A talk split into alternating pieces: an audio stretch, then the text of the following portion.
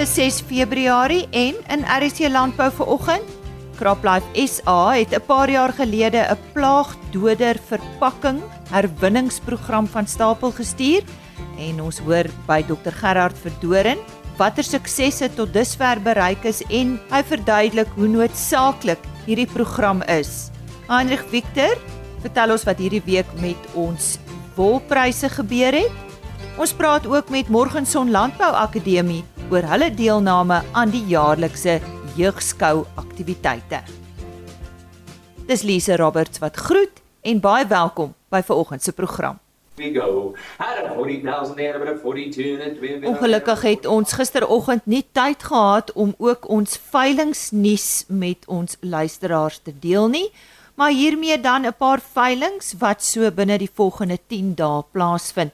Vandag is daar twee veilinge, naamlik die Zeis Merino veiling by Kareebos daar in die Kraddock omgewing, as ook die Karoo Angoras Performance Tested veldram veiling by Bakensrug in Nelspoort.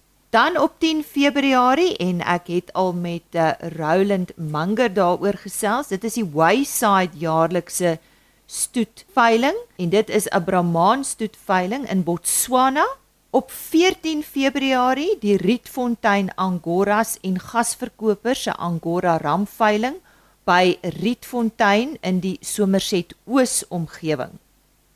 Op 15 Februarie die New Elkite Bonsmara groep veiling by die Warmbad Veemark op Bella Bella. Ook op 15 Februarie en ek het gister met Gawie van Heerden hieroor gesels. Dit is 'n besonderse mylpaal, die 100ste veiling van Consortium Marino by Dombietersfontein in die Victoria Wes omgewing. En dit is dan vandag se veilingsnuus. Ons sluit nou aan by Heinrich Victor vir ons nuutste wolpryse. Ja, hartlike goeiemôre van my hier in die wolkantoor. Nou op die 19de wolveiling van die seisoen wat op 31 Januarie plaasgevind het, het die mark effens teruggesak en het die Cape Wools Merino aanwyser met 2% vir nie gesertifiseerde wol as ook 2.2% vir gesertifiseerde wol gedaal teenoor die vorige veiling en teen 'n skoonprys van R151.07 per kilogram en R172.67 per kilogram onderskeidelik gesluit. Die Australiese EMI het ook verder teruggesak en met 1.3% verswak teenoor die vorige veiling. Nou die daling in die Suid-Afrikaanse mark word dan ook weer eens grootliks toegeskryf aan die swakker vertoning van die Australiese mark. Die effenste versterking van die uh rand teenoor die vernaamste geldeenhede tydens die veiling het ook bygedra tot die mark wat verder teruggesak het. Volhoubaar gesertifiseerde wol het 67% van die merino aanbieding uitgemaak, terwyl 49% van die aanbieding uit goeie lengtes fyner as 20 mikron wol bestaan het. Alhoewel die mark in geheel afwaarts geneig het, het die fynere mikronwolle weer eens week op week gesorg vir gesonde kompetisie tussen kopers met 'n goeie verkoopspersentasie asook wesenlike premies op sekere van die fyner mikron kategorieë gesertifiseerde wol. Nou daar is in totaal 12476 bale aangebied waarvan 95.5% verkoop is. Moriano SA het op hierdie veiling die grootste hoeveelheid bale gekoop, gevolg deur Standard Wool SA Tianyu SA en Stuken en Company. Nou die gemiddelde skoonwolpryse vir die seleksie binne die verskillende mikron kategorieë goeie lang kamwol MF5 tipes was dan soos volg. En ons onderskei soos gewoonlik tussen nie gesertifiseerde en gesertifiseerde wol. Kom ons begin by 17.5 mikron. Nie gesertifiseer R207.01 per kilogram gesertifiseer R218.38 per kilogram met 'n premie van 5.5%.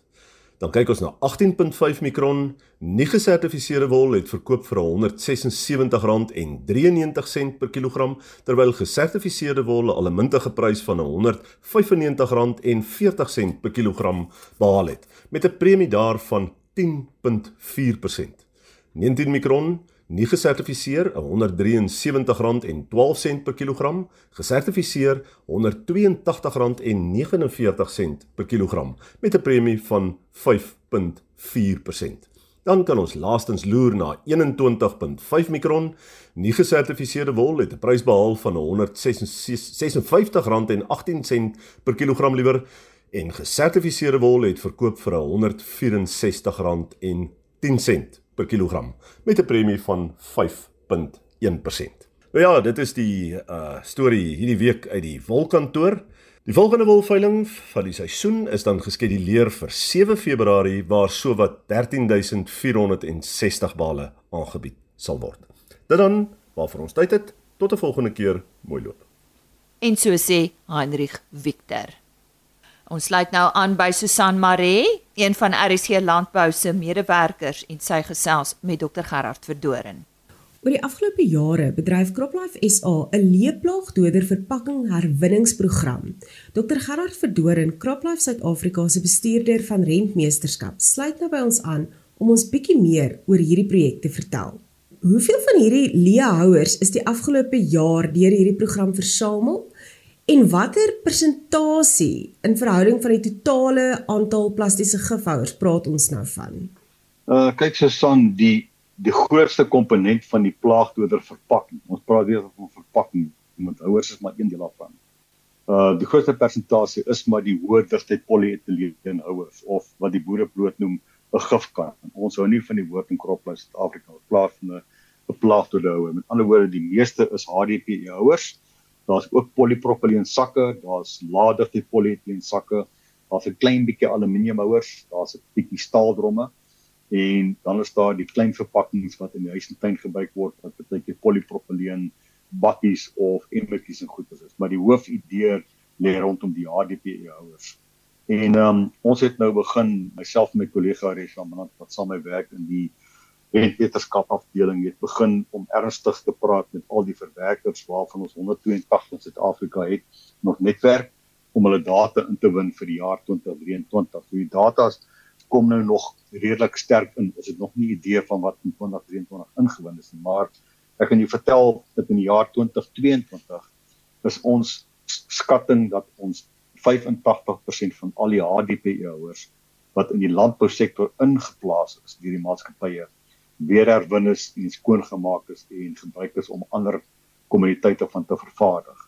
Die papier en die polipropyleen sakke en die staaldromme goed was die persentasie baie laag want daar was nooit 'n fokus op gewees nie. Maar wat het gebeur in die laaste jaar is dat Krop in Suid-Afrika is deur die departement omgewingsake geregistreer as 'n produk vir verantwoordelikheidsorganisasie met ander woorde die onus lê nou op ons om die wet te gaan toepas en die wet na te kom in terme van die herwinning en die um hergebruik of dan die herverwerking van die plaagdoder verpakkings.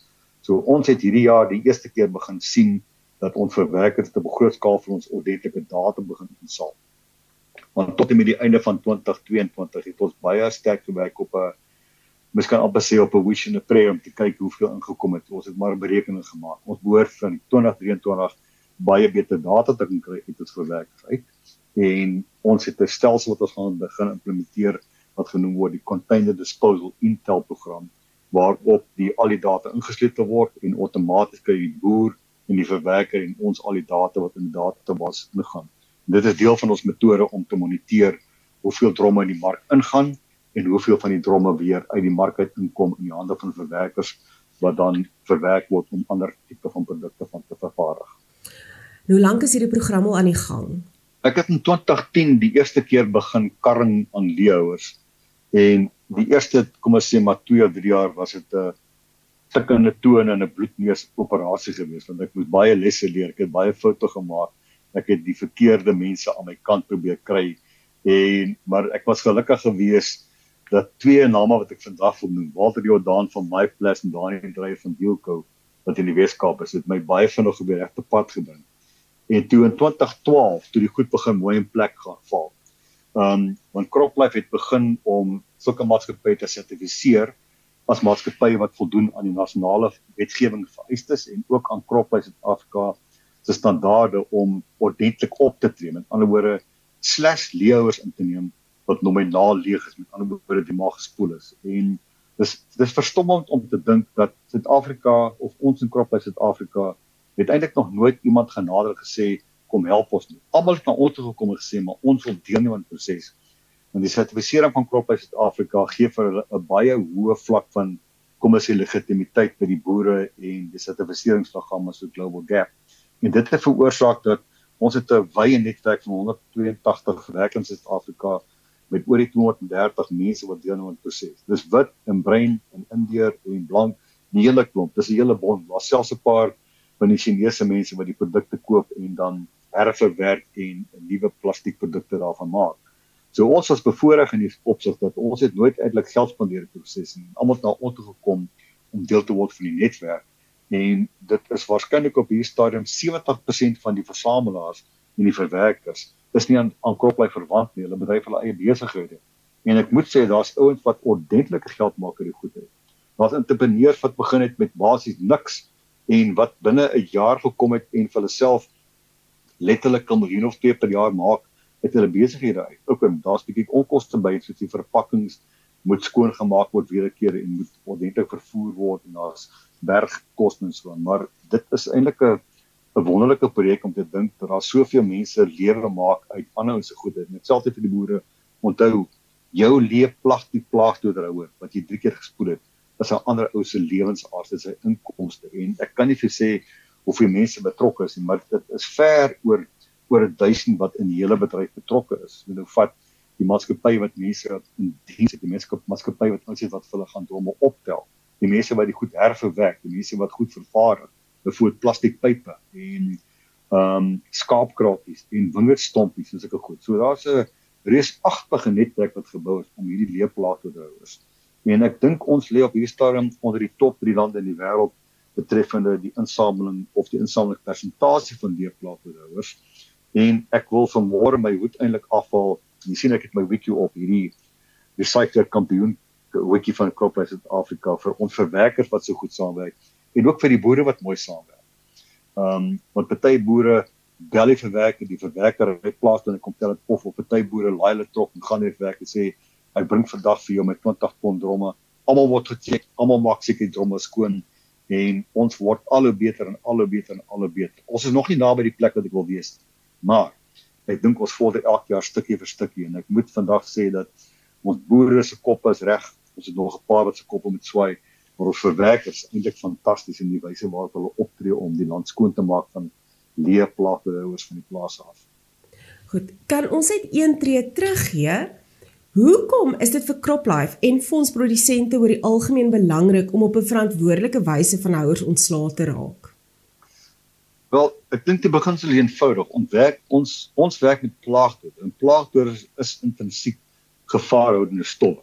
Die vlakke van gevaar wissel natuurlik van produk tot produk, maar ons aanvaar enige leeuhouer as 'n potensiële gevaarlike entiteit. Nou as daardie leeuhouer ordentlik gespoel word, drie keer na mekaar met 'n kwart van die volume water, en hy spuit water of daai water word in die spuittank oorgegiet, word dan nie chemikalie gemors so als wat die boer vir betaal gaan terug in die spuittank en die wetenskap bewys is daai houe dik en dan mekaar gespoel het met 'n kwart van die volume van sy eie uh, van van skoon water is daai daai drom is 99,7% skoon. En hy kan dan in die verwerkingsproses ingaan.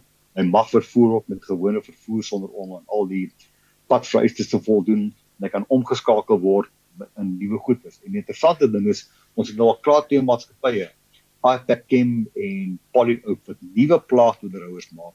Uit ou plaagdoeder plastiek wat hulle herwin het bevoor deur MyPlas en dit is eintlik wonderlik om te dink dat die houer wat jy vandag koop was al te van tevore 'n ou plaagdoederhouer gewees. So ons vorder lekker op daai front en ek baie trots om te sê dat ons verwerkingsmaatskappye is aan die voorfront daarvan. So die skoonmaakproses is 'n ding wat ons nog mee sukkel want party van ons produsente maak die houers nie heeltemal skoon nie. Ons kan nie eindig met plastiek wat uitkom wat verskaaf word aan 'n maatskappy so byvoorbeeld iPackchem of Polyoak wat nie heeltemal skoon is nie. Daai plastiek moet heeltemal vry van plate wees. So ons het 'n program in CropFly wat ons nou elke nou en dan gaan van die ehm um, plastiek chippies gaan trek by die maatskappye wat analiseer om te kyk is daar residue van die plate oor en dit word al hoe beter en al hoe beter maand op maand. So ons preek maar gedurig, maar ons wil vandag vra vir die boere vra almal wat boer, maak nie saak of jy klein of groot is, maak nie saak of jy swart of wit is nie spoel jou houers dik jy na mekaar uit.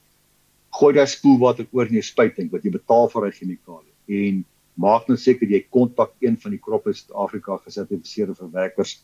Die lys lê altyd op die Kroppe Suid-Afrika webwerf onder container management.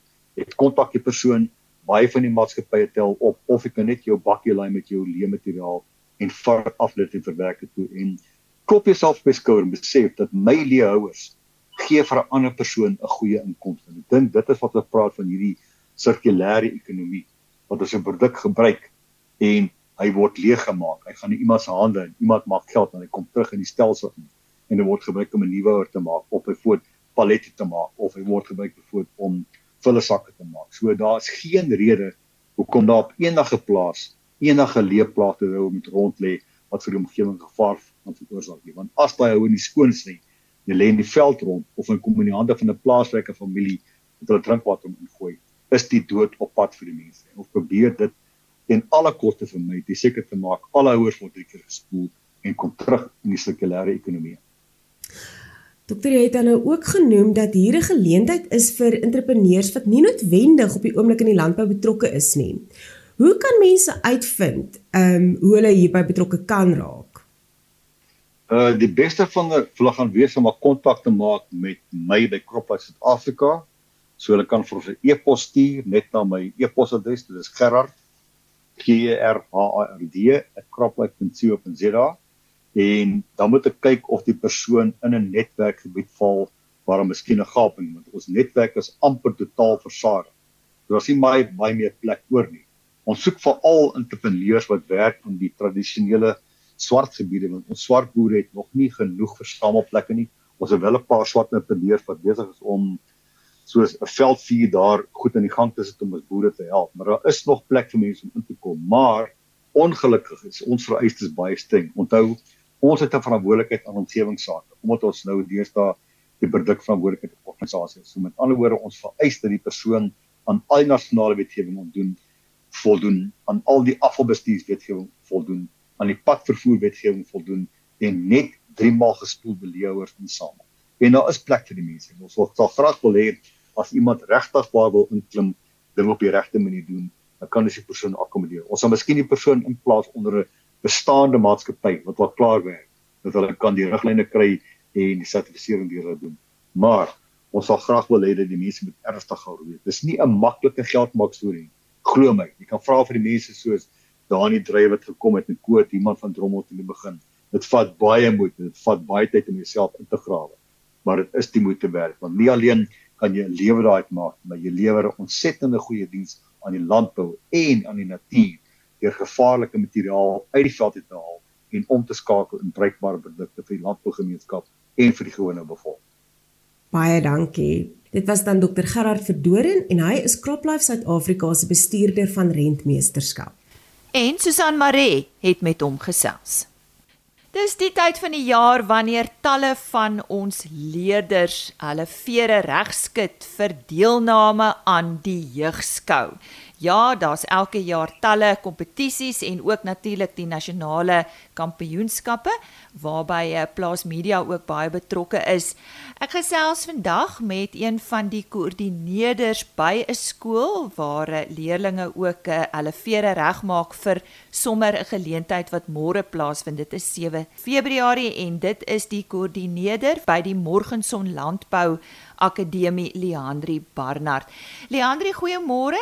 Sê nou eers vir my, wat behels julle betrokkeheid by die skou? Goeiemôre Lize, baie dankie vir die voorreg en die geleentheid. Morgenson Landbou Akademie is in die bevoordeelde posisie om die jou eerste jeugskou vir Mpumalanga aan te bied. Hierdie skou vind, soos jy gesê het, die 7de Februarie plaas op Morgenson Landbou Akademie se skoolgronde waarna ons baie uitsien. Morgenson Landbou Akademie vorm deel van 'n dinamiese groep skole wat skou vir Mpumalanga. Leandri, so hoeveel leerders neem deel en en wat skou hulle? Lize, hierdie jaar spog ons met ongeveer 40 kinders wat gaan deelneem aan die jeugskou in die verskeie afdelings wat die nasionale jeugskou dan nou het. En dis vleisbeeste, melkbeeste, wol en vleiskape, daar's perde, pleinvee, konyne, kulinêre kuns, suiwelbereiding, veselbokke, melkbokke en afslaers en dan het nasionaal dit goed besluit om hierdie jaar twee nuwe afdelings in te bring en dis watervoëls en fotografie. Wow, klink wonderlik. Wat is die waarde daarvan vir die kinders? By jeugskou word daar definitief aan die behoefte voorsien om leerders by landbou betrokke te kry. Daar word 'n liefde vir landbou gekweek by die jeug as ook om die denkwyse van die jeug te verander sodat hulle meer betrokke kan raak in die landbousektor. Dis definitief 'n bron van toekomstige landbouleiers want daar word 'n affiniteit vir die landbousektor by die jeug gekweek.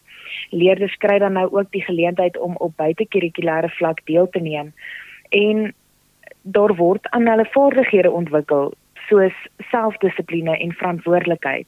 Dit help hulle ook om 'n holistiese benadering te hê oor wat landbou werklik is.